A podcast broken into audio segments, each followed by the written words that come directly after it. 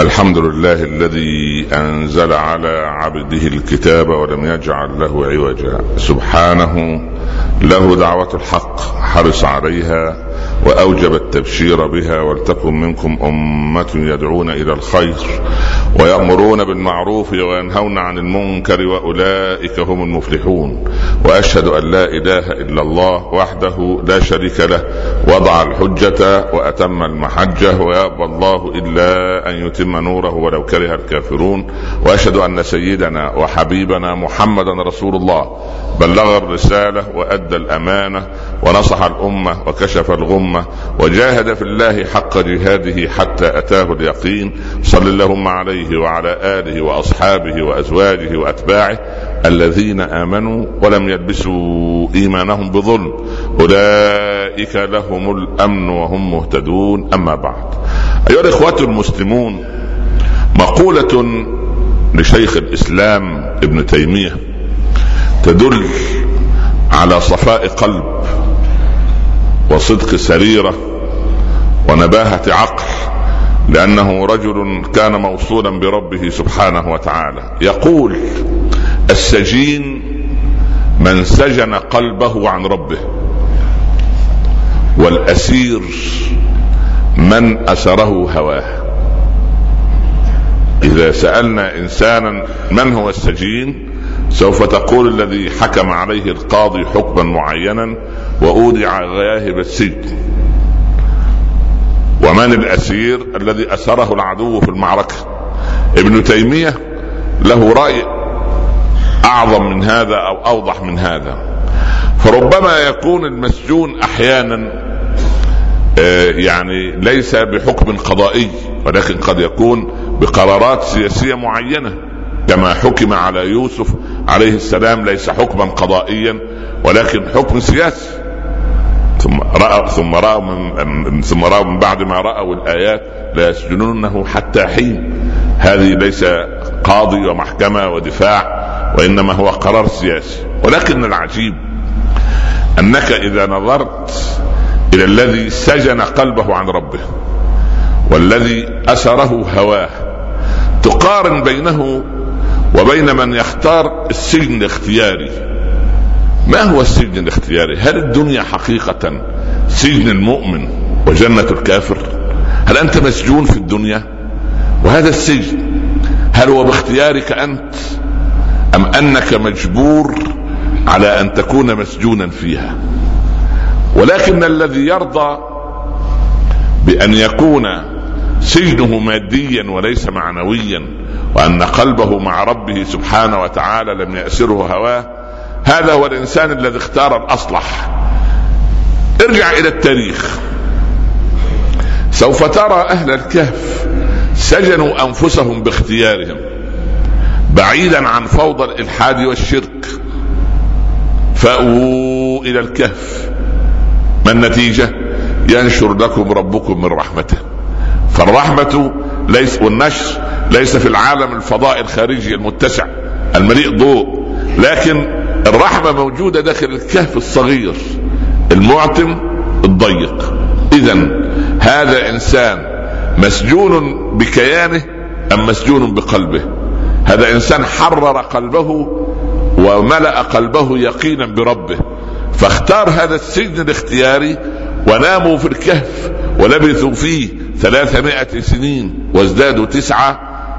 قل الله أعلم بما لبثوا. ثم بعد ذلك كانت قصتهم دليل على أن الفتية الشباب الصالح يضع دائما رموزا في الحياة. ولقد كان كل صحابة الحبيب صلى الله عليه وسلم ما عدا يعني من سيدنا أبو بكر كان أكبر الصحابة تقريبا في مخ في في بداية الدعوة كان عنده 38 سنة. هذا أكبرهم. اذا كان كل صحابة الحبيب فتية. هؤلاء الفتية تمثلوا بأهل الكهف. ودخلوا شعب أبي طالب متمثلين أيضا بأهل الكهف. هذا سجن اختياري. أيضا عندما تنظر في التاريخ في في في, في السلف الصالح تجد أن أبا حنيفة رضي الله عنه رضي أن يسجن على أن يولى القضاء في زمن المنصور. لأن كان الحاكم على الكوفة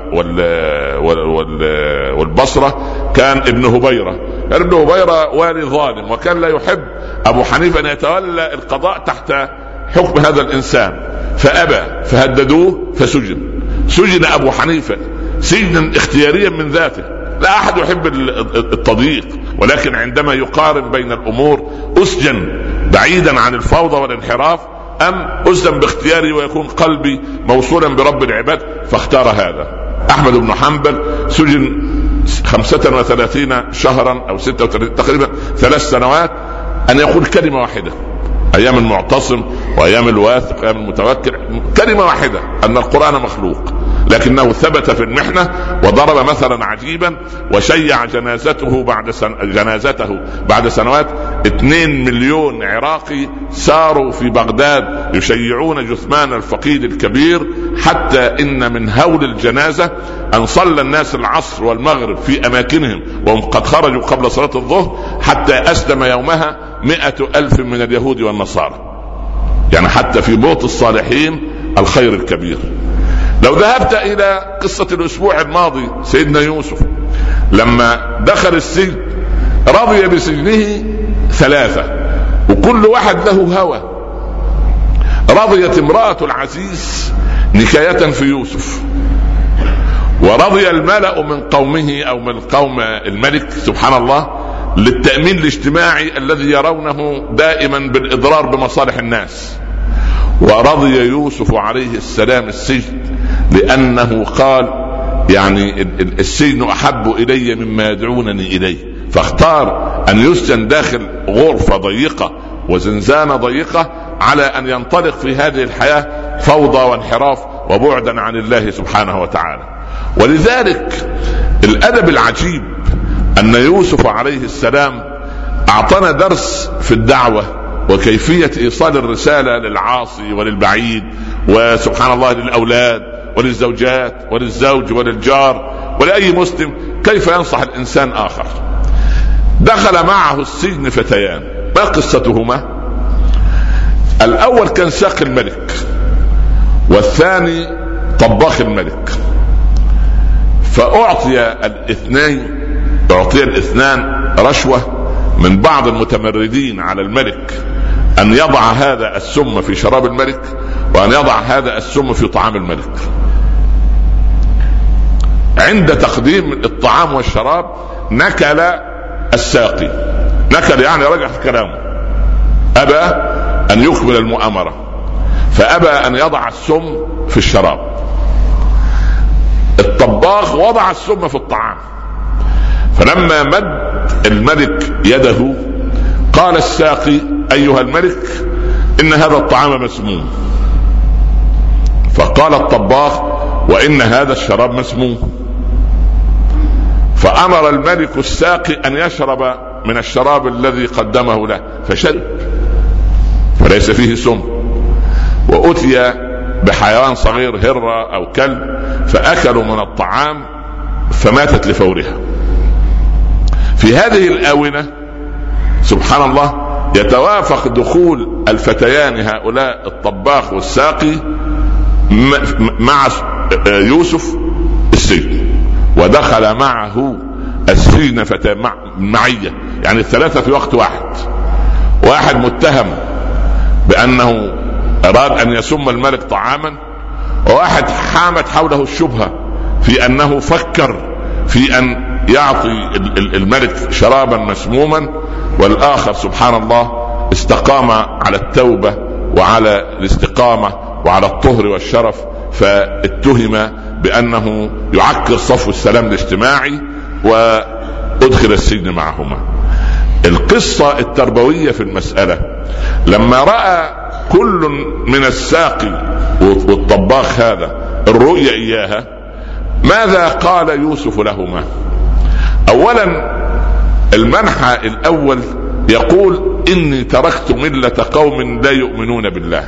ما قال لهم امرا اتركوا ملة أقوام لا يؤمنون بالله. توجيه الأمر ضد هوى النفس. لما توجه أمر. جربها اليوم. قول للولد قم فتوضأ. يقول أتوضأ بس بعد ربع ساعة. يتعبك في صلاة الصبح. قم صلي. يتعبك إلى أن تكاد الشمس تشرق. قل للزوجة أطيل الحجاب قليلا. تتأفف. لكن لو ذكرت لها قصة عائشة لما نزلت آيات الحجاب ما كان من نساء الأنصار إلا أن شقت كل واحدة منهن خمارها وأعطت أختها فخرجنا كل النساء من المسجد رسول الله صلى الله عليه وسلم بعد صلاة الفجر كأنهن الغرابيب السود فممكن هذه القصة تؤخذ منها دروس بطريقة غير مباشرة. ماذا قال يوسف لصاحبه السجن؟ قال يا صاحب السجن إني تركت ملة قوم لم يقل لهم اتركوا ملة قوم أنا تركت. أنتم ترونني من المحسنين. لماذا؟ لأني تركت. ثم قال يعني في آخر القضية ولكن أكثر الناس لا يشكرون. أراد أن يوجه تهمة مهذبه إليهما.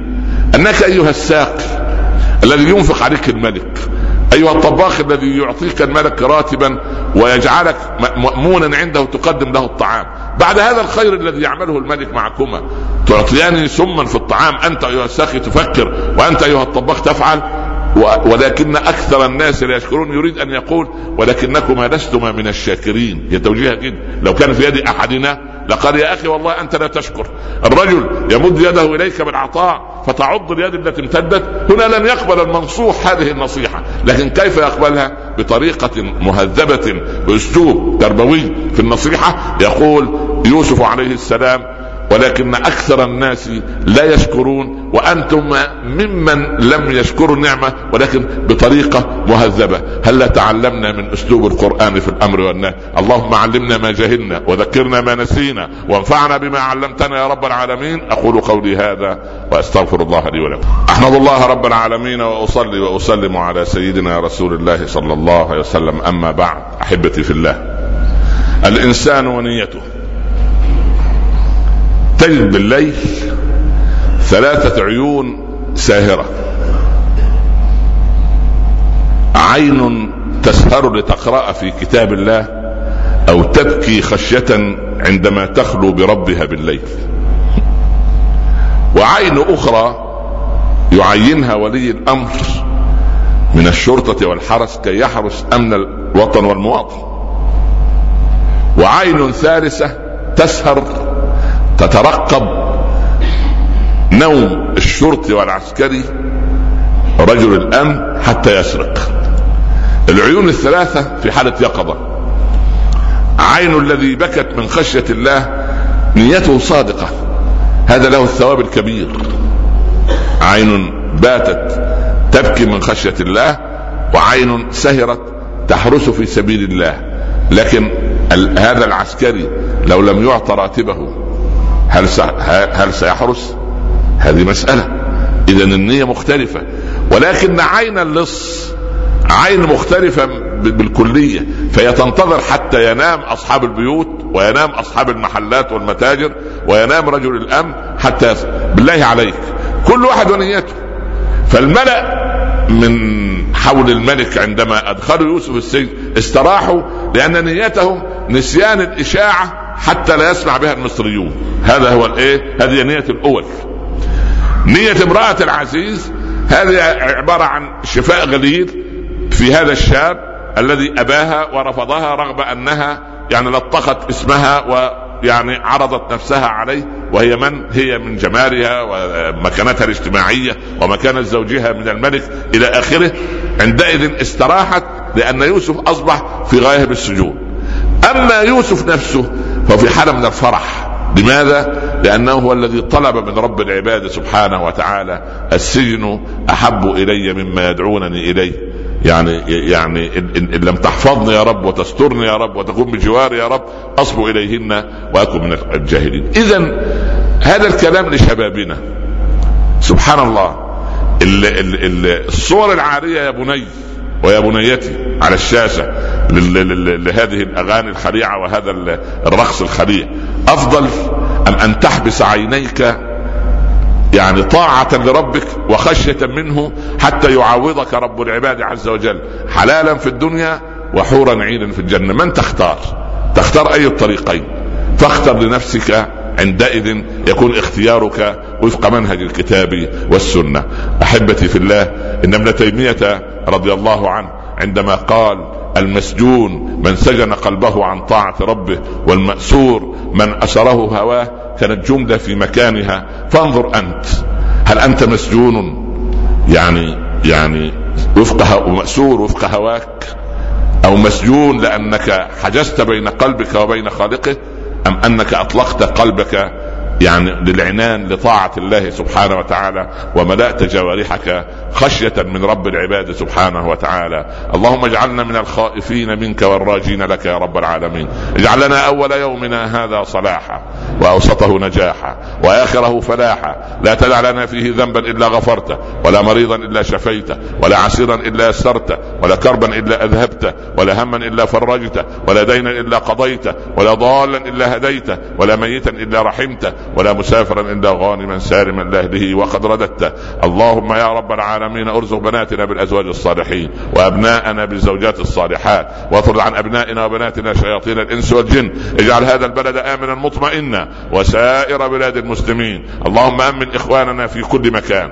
أمن إخواننا في فلسطين وفي العراق وفي السودان وفي الصومال وفي كل مكان تعبد فيه يا رب العالمين. اطرد الشر عن إخواننا المسلمين في مشرق الأرض ومغربها. اللهم اللهم من أراد بالإسلام سوءا فاردد اللهم سوءه إليه واجعل تدميره في تدبيره يا رب العالمين وأخرجنا من الدنيا مسلمين واختم لنا منك بخاتمة السعادة أجمعين وصلى الله على سيدنا محمد وآله وصحبه وسلم يا رب تسليما كثيرا بسم الله الرحمن الرحيم والعصر ان الانسان لفي خسر الا الذين امنوا وعملوا الصالحات وتواصوا بالحق وتواصوا بالصبر صدق الله ومن اصدق من الله قيلا نكمل حديثنا بعد الصلاة إن شاء الله وأقم الصلاة قوموا إلى صلاتكم يرحمكم أحمد الله رب العالمين وأصلي وأسلم على سيدنا رسول الله صلى الله عليه وسلم أما بعد اللهم يا ربي اغفر لنا وارحمنا وعافنا واعف عنا سامحنا وتقبل منا. اللهم قو يقيننا وأصلح ذات بيننا واشرح صدورنا ونق قلوبنا. لا تجعل في قلوبنا غلا للذين آمنوا. يا ربنا وارحمنا وأنت خير الراحمين. أما بعد تحدثنا عن المسجون والمأسور. تعال نضع بعض العلامات لتثبت لنفسك أنك قد تحررت من السجن الحقيقي وتحررت من الأسر الحقيقي. الإنسان خلقه ربه وهو يعلم ما توسوس به يعني يعني نفسه وهو سبحانه وتعالى أقرب إلينا جميعا من حبل الوريد. وكل واحد فينا بارك الله فيكم يعرف علته. كل واحد عارف إيه الثغرة الضعيفة اللي عنده.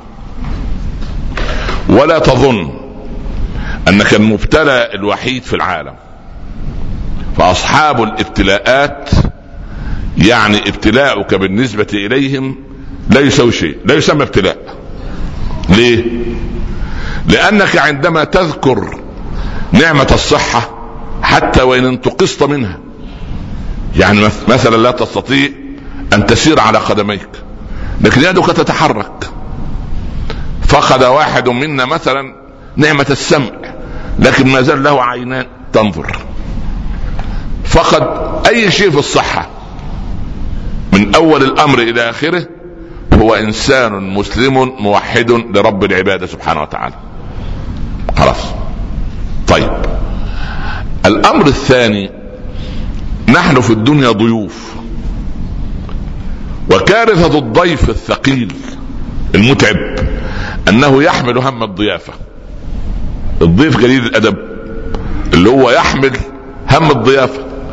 أنت رايح عند راجل كريم تزور بيته اليوم مثلا يا فلان أنت اليوم معايا على الغداء وأنت تعلم تعلم إمكانيات الرجل.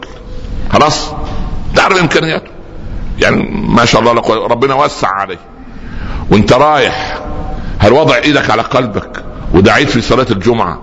اللهم ارزقه يا ربي بعض دراهم حتى يستطيع أن يذبح لنا أو أن يشوي لنا أو كلام مش وارد هل دعوت هذا؟ أنت رايح وأنت تقول والله يا أخي الولائم دي متعبة. ده بيعمل أكل. إحنا كلنا عشرة الراجل عمل أكل يكفي خمسين. فأنت لا تحمل هم الضيافة. ولا تسأل عندما تستقر عند الرجل. تقول له إيه؟ سوت لنا إيه اليوم؟ يعني الدين الله أنت مش في مطعم صح ولا لا؟ أنت مش مطعم تختار. ولله المثل الأعلى. أنت ضيف في بيت الكريم سبحانه. وضيف في هذا العالم الذي هو ملك للكريم عز وجل. بالله عليك. تحمل هم الضيافة وتقول والله أنا لو لو فصلوني من شغلي بكرة لن أجد ما آكل. ولو مت الأسبوع القادم عيالي ما يلاقوش ياكلوا ولا يتعلموا ولا البنت تقدر تتزوج ولا الولد المريض يعالج ولا ولا ولا. بالله عليك دي قلة أدب ولا سوء أدب؟ الاثنين؟ ما سكت كده. هي قلة أدب وسوء أدب مع الله عز وجل. يعني أنا لا أحمل هم الضيافة يا أخي المسلم إذا كنت تظن أن علمك وجاهك ومنصبك وإجازاتك العلمية وقبيلتك وعائلتك هي التي كانت سببا في رزقك فاعلم أنك فاسد القلب. ليه؟ لأن لو بالإمكانيات وبالعلم وبالمخ أنت كنت تسعة أشهر داخل رحم الأم ظلم ظلمات بعضها فوق بعض. ثلاث ظلمات. ظلمة الرحم وظلمة المشيمة وظلمة الغشاء المبطن سبحان الله. وأنت في هذه الغشاوات وهذا الظلام ترزق ولا لا ترزق؟ أنت واثق؟ طب كنت تدرك أم لا تدرك؟ كنت لا تدرك. كنت تعقل أم لا تعقل؟ ما لكن لما كبرت وعقلت إيه اللي خلاك تمردت وظننت أن عملك وأن فصلك من عملك وأن إيقاف راتبك وأن تأخر راتبك وأن الشيء اللي كنت عايز تبيعه ولم يباع والشيء اللي كنت عايز تشتريه ولم يشترى والبنت اللي تأخر زواجها والولد اللي عقدت زيجته والبيت اللي كان عندك أمل أن يكون أن يكون ملكا لك صار لغيرك والميراث اللي تركه أبوك كل هذا كل هذا مكتوب لك أنت عندك 120 يوم. يا أخي خلي عندك عقيدة. الناس الاكتئاب اللي موجود عندها ضياع عقيدة اليقين فيما في يد الله عز وجل. ليه أبو بكر يقول له يا رسول الله والله ما نعطيه لك كي تنفقه في سبيل الله. أحب إلينا من المال الذي يبقى لأبنائنا. إحنا للأسف ال ال ال يعني المال الذي نعطيه وكأنه خصمناه من ال من من, من الأرزاق. فأنا أريد أن أقول أن لما لما بعد 120 يوم كتب رزقك. هذا الرزق تأخذه على مراحل. وعند عندما يأتي عندما يأتي ملك الموت ليقبض الروح يبقى أنت وصلك آخر فلس أو سنت أو درهم أو قرش أو جنيه أو ريال سميه ما شئت آخر درهم يدخل جيبك ويدخل في يدك ويكون آت لك من الخارج هو آخر نفس لك في الحياة. آخر درهم مع آخر نفس. أنت لماذا قبلت أن يقبض ملك الموت روحك. لأنك مجبر أم مختار؟ مجبر. طب ليه في قضية الرزق ما كنتش مجبر على اليقين بما في يد الله عز وجل؟ بدل هو كتب العمر وكتب الإيه؟ الرزق. أيقنت بالعمر عندما جاء ملك الموت. صح ولا لا؟ هل تستطيع لملك الموت تقول لسه؟ فاضل ثلاث ساعات. أنت جاي بدري؟ انت أنت غلطت 2010 أنا هموت 2012 في حد يقدر يقول كده؟ يبقى أهبل ولا ولا عبيط؟ الاثنين لا أنتم ما شاء الله عليكم. لا, لا قوة إلا بالله. الله يا اخويا صح صح ما شاء الله عليكم. إيه اللي صح صح خير ما كنتوا نايمين. ده حتى يقولوا الشعوب الساكتة استس قيادة. المهم ما علينا. خلينا هنا. المهم يعني فأنت أيقنت بأن الله كتب لك الرزق وملك الموت واقف على الباب. الوحيد الذي يسمعه المتوفى العجيب الوحيد. آه. يقول والله أتبكون مني أنتم زعلانين واخدين على خاطركم مني أنا. أنا مأمور. ربنا قال لي اليوم الفلاني الساعة الفلانية خذ روح فلان في المكان الفلاني. أم تبكون عليه ما هو حبيبكم أبوكم أمكم ابنك زوجتك ابن أخوه يعني حد عزيز عليه. أم تبكون عليه؟ فهو مقهور هو ما يقدرش يعني سبحان الله العظيم. والله اسمع الكلام ده. ما نقصت له درهم من رزقه ولا لحظة من عمره وإن لي بكم عودة بعد عودة حتى لا أبقي منكم أحدا. يقول حبيبنا صلى الله عليه وسلم فلو سمعوا ملك الموت عندئذ لذهلوا عن ميتهم وبكوا على أنفسهم. يبقى ملك الموت لما جاني انتهى الأمر. طيب. جملة يعني جانبية. الآن هذه الأيام يستحث أهل الخير في إخراج استعداد لحساب زكاة أموالهم. ويهب عليهم الآخذون بحق ها؟ وبغير حق. كلاهما. صح ولا إحنا اليوم الدرس اسمه كلاهما. بحق وبغير حق. طيب هو أنا يعني كل اللي يتقدم لي لازم أعمل له يعني سيرة ذاتية وأعمل يعني مؤسسة من المخبرين والمستخبرين وعيون وننشرهم ونرى هل هذا يستحق أم لا يستحق. السؤال هنا خطير. طبعا أنت 100% تجيب تجاوب تقول إيه؟ طبعا لا بس في نقطة. الزكاة مال معلوم. بقدر معلوم. إلى أناس حددهم الشرع. ينتشر في بعض البلاد الإسلامية العربية أن زكوات أموال الأغنياء توزع على الأقارب. وأقاربهم لأنهم أقل درجة. يعني فلان ده يملك مثلا مثلا يعني 20 مليون. خلاص؟ فيخرج زكاة ماله. لمن؟ للمسكين الذي لا يملك إلا خمسة. وفي خمسة مليون تانيين مش لاقيين رغيف الخبز. ليه؟ لأنه بيستسهل المسألة. عايز إيه؟ يوزع على أقاربه. بدليل اسأل أي واحد. قول له أنت بالله عليك لما بنتك زوجتها للولد الموظف المسكين هذا الطيب ده المستقيم اللي قابلته للأسف عشان كان عند الشيخ عمر صلي. فاغتريت بيه قلت يلا نديه يعني فقر وفقر ربنا يغنيه من من من فضله. المهم يروح يعمل إيه؟ يجي أول رمضان ويروح لبنته. يقول يا بنتي أنت عارفة أنا ما, ما أملك الأزمة الاقتصادية ما أملك إلا زكاة المال فقط. كنت بعطيك من قبل. إزيك يا ولدي؟ عامل إيه في المدى بتاخذ كام راتب يا ولدي؟ يقول لك يا عمي والله أخذ ثلاث أخذ أربع أخذ أقل أخذ أكثر. طب خذ يا ابني المبلغ ده. انفقه على زوجتك وعيالك. إذا سألته أنت هذا المبلغ منين إيه؟ يقول لي زكاة مال. تقول له لا يصح. يقول لك يا أستاذ هو أنا مكلف بالإنفاق عليه؟ لا أنت مش مكلف بالإنفاق عليه. أنت بتلف وتدور على قواعد الله لأن الأصول والفروع لا تأخذ منك زكاة المال. الأصول والفروع لا تأخذ منك زكاة المال. أبويا وجدي وأمي وجدتي وابني وبنتي وحفيدي وصبطي هؤلاء من الصبط ابن البنت. طبعا طبعا. ولا ابن الولد لا مش كده هم. لا ابن البنت. خلاص. طيب فهؤلاء لا يأخذوا من زكاة المال. يبقى من ضمن الستة دول ثلاثة لا يأخذوا من زكاة المال. فاحيانا يأتيك إنسان وقد يأتي ليزكي نفسه أنه جاء من طرف فلان. فأنت لثقتك في فلان هذا؟ تعطيه لا يا أخي لا. زكاة المال. حتى الصدقة يا أخي. يجب أن أنت عندك في ناس لا تجد رغيف الخبز في ناس لا تجد العلاج الذي يبقيها في الحياة. يعني هادئة مطمئنة. لا تجد الغرفة أربع جدران وسقف التي تسترها وتأويها من من من, من أذى الحر والقر. فلما يعني معذرة كم من أناس ينصبون بأسماء أناس؟ مثال لما واحد من أولادنا المقربين دول اللي قاعدين كل يوم جمعة يجي من الساعة 10 ولا 9 يقعدوا من الصبح. معذره يعني ربنا يبارك فيهم ويغنيهم من فضله يجي يقول لك والله أنا من طرف الشيخ والشيخ يقول لك أنا عايز كذا.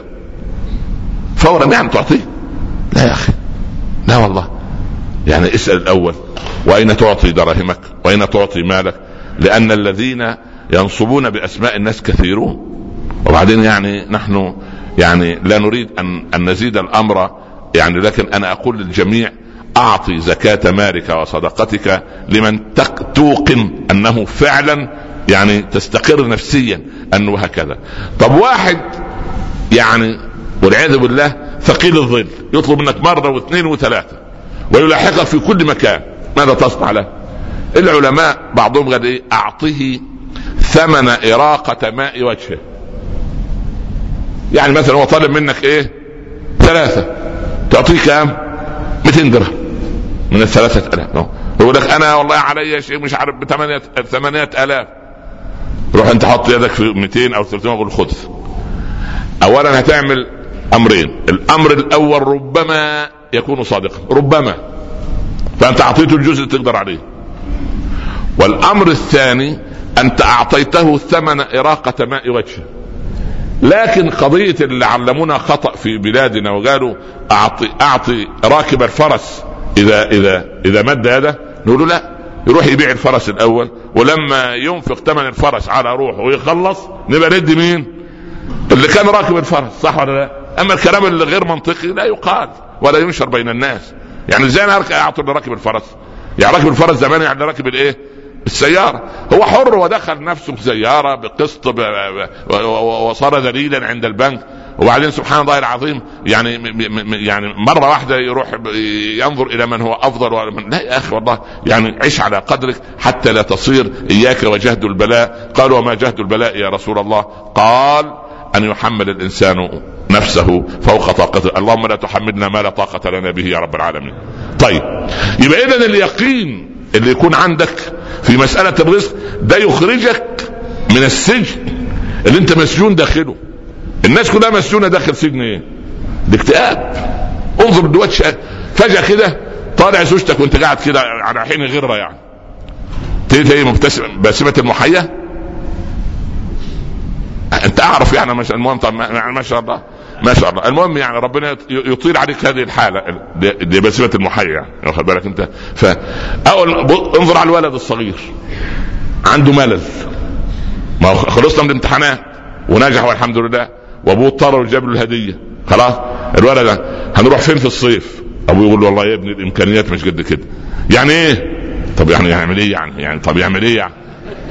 يروح يرهن نفسه. إذا كان يعني يستطيع يرهن نفسه والولد ياخذ المبلغ بتاع الرهن ده ويتوكل على الله يف... فإذا الولد عنده ملل. وطب بعدين؟ طب بعد الظهر هنروح فين؟ لا حول ولا قوة طلع له الفطار فطار الصباح. يقول له هنتغدى إيه؟ حول دي قلة قناعه منين؟ قلنا في الأسبوع الماضي حاذر أن يكون مالك شبهة. تعال إلى ال ال عشان تكملة الجمعتين يبقوا مكتملتين مع بعض. يوسف دخل السجن باختياره. ولم يلاحق. يعني لم يلاحق؟ يعني دخلوا السجن ونسيوه. لأنه قال للذي ظن أنه ناجي منهما إيه؟ اذكرني عند رب لكن سيدنا محمد صلى الله عليه وسلم دخل في سجن الشعب. ثلاث سنوات ليس باختياره. ولاحقوه أم لم يلاحقوه؟ لاحقوه. لاحقوه بالأدب. بدليل أن كان بعض من أقارب خديجة كان يأتي بالدابة ويضع عليها الطعام والشراب ويضربها بفدية الشعب وتدخل الدابة إلى إيه؟ إلى مستقر آل عبد المطلب وآل عبد مناف الذين كانوا مسلم المسلمين منهم. والكف وغير المسلمين متآزرين مع النبي صلى الله عليه وسلم. ثلاث سنوات متواصلة. سبحان الله. واكتشفت قريش هذا الأمر. فماذا صنعت؟ سبحان الله العظيم. قطعت هذا المدد. زي حصار إخواننا في غزة. اللهم فك كربهم يا رب. نفس القضية الحصار سبحان الله. فالتاريخ يكرر نفسه. وبعدين بس الكفار مكة كان عندهم شهامة عن الذين يؤسسون لحقوق الإنسان وقانون حقوق الإنسان ورجال حقوق الإنسان. خمسة من كفار مكة. قالوا إحنا نستمتع بنسائنا على الفرش وأولادنا يأكلون ويشربون. وبنو عبد مناف لا يجدون الماء والتمر والله طب نعمل إيه؟ قال نقطع نمزق الصحيفة طب بس مين اللي يمزق الصحيفة؟ فسبحان الله أول واحد قال أنا أرفع صوتي وأنتم تؤيدوني فراح خطب خطبة عند الحجر الأسود وقال يا معشر قريش كيف لنا أن ننعم وبنو آه، عبد المطلب لا يجدون كذا وكذا وبنو عبد مناف لا يجدون كذا كذا فأبو جهل قال ما هذا الذي تقول؟ راح واقف واحد ثاني من المؤيدين للخير والله أنا مع فلان مع فلان طلع خمسة. قال أبو جهل حكمته المعروفة هذا أمر بيت بليل.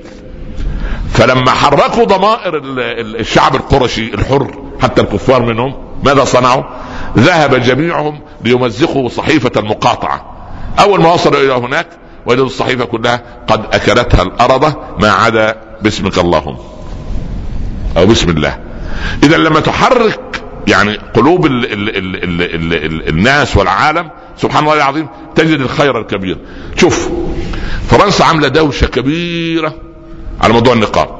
واصدار قرار والجمعيه لغاية الموضوع فضل مجلس الدولة. عملنا إحصائية للمنتقبات في فرنسا. قلت له كم واحدة؟ 200 يعني تمخض الجبل وولد صرصارا. سبحان الله. مش فأرا يعني 200 منتقبة من ستة ملايين مسلم من 40 مليون فرنسي. لا إله إلا أنت سبحان. يبقى هي القصد ال 200 دول؟ والعجيب أن ال 200 دول 99.8% منهم فرنسيات الأصل. يعني ليسوا من أصل عربي ولا أصل إسلامي. والدوشة دي كلها دي كلما فشل الغرب عن إصلاح مشاكل الاقتصادية والاجتماعية والأسرية يعلق المسألة على المشغولين بقى يا ترى النقاب والبرقع سبحان الله لا الأمر أبسط من هذا لكن انظر إلى المسلمين كالأيتام على مأدبة الذئام لماذا؟ أنا أول أمس كنا في فضائية كانت بتناقش معي موضوع الحظر النقاب والبرقع في فرنسا. قلت اولا قبل أن ننقد الآخر يجب أن ننتقد أنفسنا. إحنا في بلاد إسلامية. في بعض البلاد العربية الإسلامية لو رجل ملتحي وزوجته جنبه منتقبه أول ما يخطر ببال الرجل الشارع المسلم يقول لك اثنين إرهابيين. المسلمين يقولوا كده. شيراك قبل أن يتخذ قرار موضوع الحجاب في فرنسا كان زار بلد عربي مسلم. ووجد أن الحجاب محظور في هذه البلد أن تعمل غير ان تعمل إلا غير المحجبة. فرجع إلى فرنسا يدندن. قال إذا كانت الدولة عربية مسلمة ها؟ وفيها حظر الحجاب. أنتوا زعلانين مننا إحنا. يا سبحان الله يا من كذا وكذا. طب بالله عليك. لما تجد نسبة وتناسب في المذيعات على الفضائيات أنا أرى والله أعلم أن حجاب نسائنا في بلادنا العربية يربو على ال 75% أو ال 80% طب حطوا لنا في ال في ال في ال في الفضائيات ها؟ نفس النسبة من نسبة المذيعات. أنت عندك كم مذيعة في الفضائيات العربية؟ ها؟ 500 حط لنا يا سيدي 400 محجبة. خلاص؟ يبقى سبحان الله. فيعني حتى من باب الإيه؟ النسبة والتناسب. من باب النسبة والتناسب. يعني هم خمسة ثلاثة أرباع نسائنا بفضل وبناتنا محجبات يبقى لازم تحط الإعلاميات بنفس النسبة. أما أن تخرب الآية والسورة وتعيب على الآخر أنه يكرهنا أو لا يحبنا أو يضع أحجار عثرة أمام أبنائنا وبناتنا هذه القضية. قضية أبسط من البساطة وأيسر من اليسر وأسهل من السهولة. في امتحانات فرنسا في المدارس الثانوية والجامعات هذا العام سبحان الله العظيم كان أيام معمعة الفصل الدراسي له كان أيام معمعة إشاعة إنفلونزا الخنازير فكانت مراقبات ومراقبين اللجان ممنوع حضور الامتحان بال... بال... بالنقاب فأخواتنا ربنا يبارك فيهم وبناتنا عملوا إيه؟ حطوا الكمامات على وجوههم وخلاص وحضروا بتاع كلها انفلونزا في انفلونزا كلها ميكروبات في ميكروبات. سبحان الله. فأنا أريد أن أقول أن لا تنظر إلى الآخر وهو يعيب عليك قبل أن تصحح أنت عيب أقاربنا نحن وبني جلدتنا علينا. يعني قبل أن نهاجم الآخر يا أخي سبحان الله أنت أثبت على الحق. والله أنت عايزني عم زي ما كده. زمان كان في قناة أجنبية مشهورة جدا إخبارية من 25 سنة كانت عايزة تدخل تسجل عندي سبحان الله درس الاثنين. درس الاثنين يحضر فيه آلاف مؤلفه فسألت الأخ المسؤول عنه هم فيهم مسلم؟ قال لا الثمانيه غير مسلمين. قلت طب يصوروا من الخارج ما ينفع يدخلوا المسجد. قالوا كيف يعني إزاي؟ والله المهم الموضوع ثار وارتفع وذهبوا إلى السفير والسفير كلم الخارج المهم الموضوع كبر. فلما عاتبني البعض أنا لما أروح هذه الدولة ينفع أطأ أرض مطارها إلا بتأشيرة الدخول؟ قالوا لا لازم تأشيرة الدخول.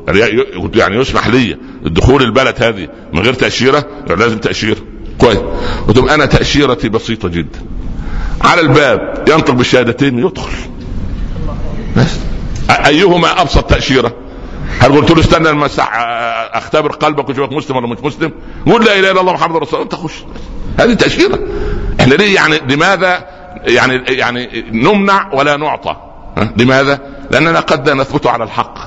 فسيدنا الحبيب صلى الله عليه وسلم دخل السجن الاضطراري في شعب أبي طالب وقريش تحاصره وتلاحقه لكن سيدنا يوسف لم نقل استراح في السجن ولكن نقول مارس الدعوة في السجن دليل على أن الإنسان يمارس الأمر بالمعروف والنهي عن المنكر في صغير الأمر وكبيره. بورك لي ولكم في القرآن العظيم وجزاكم الله عني خيرا ولا تنسونا من صالح الدعاء. اليوم على قناة العربية بعد قناة برنامج قناة الناس تقلب العربية تلاقي عبد الله يتكلم عن موضوع خطير عن الجهاد والحاكمية. هم اللي اختاروا الموضوع. الساعة الحادية عشرة بتوقيت الإمارات. السلام عليكم ورحمة الله وبركاته.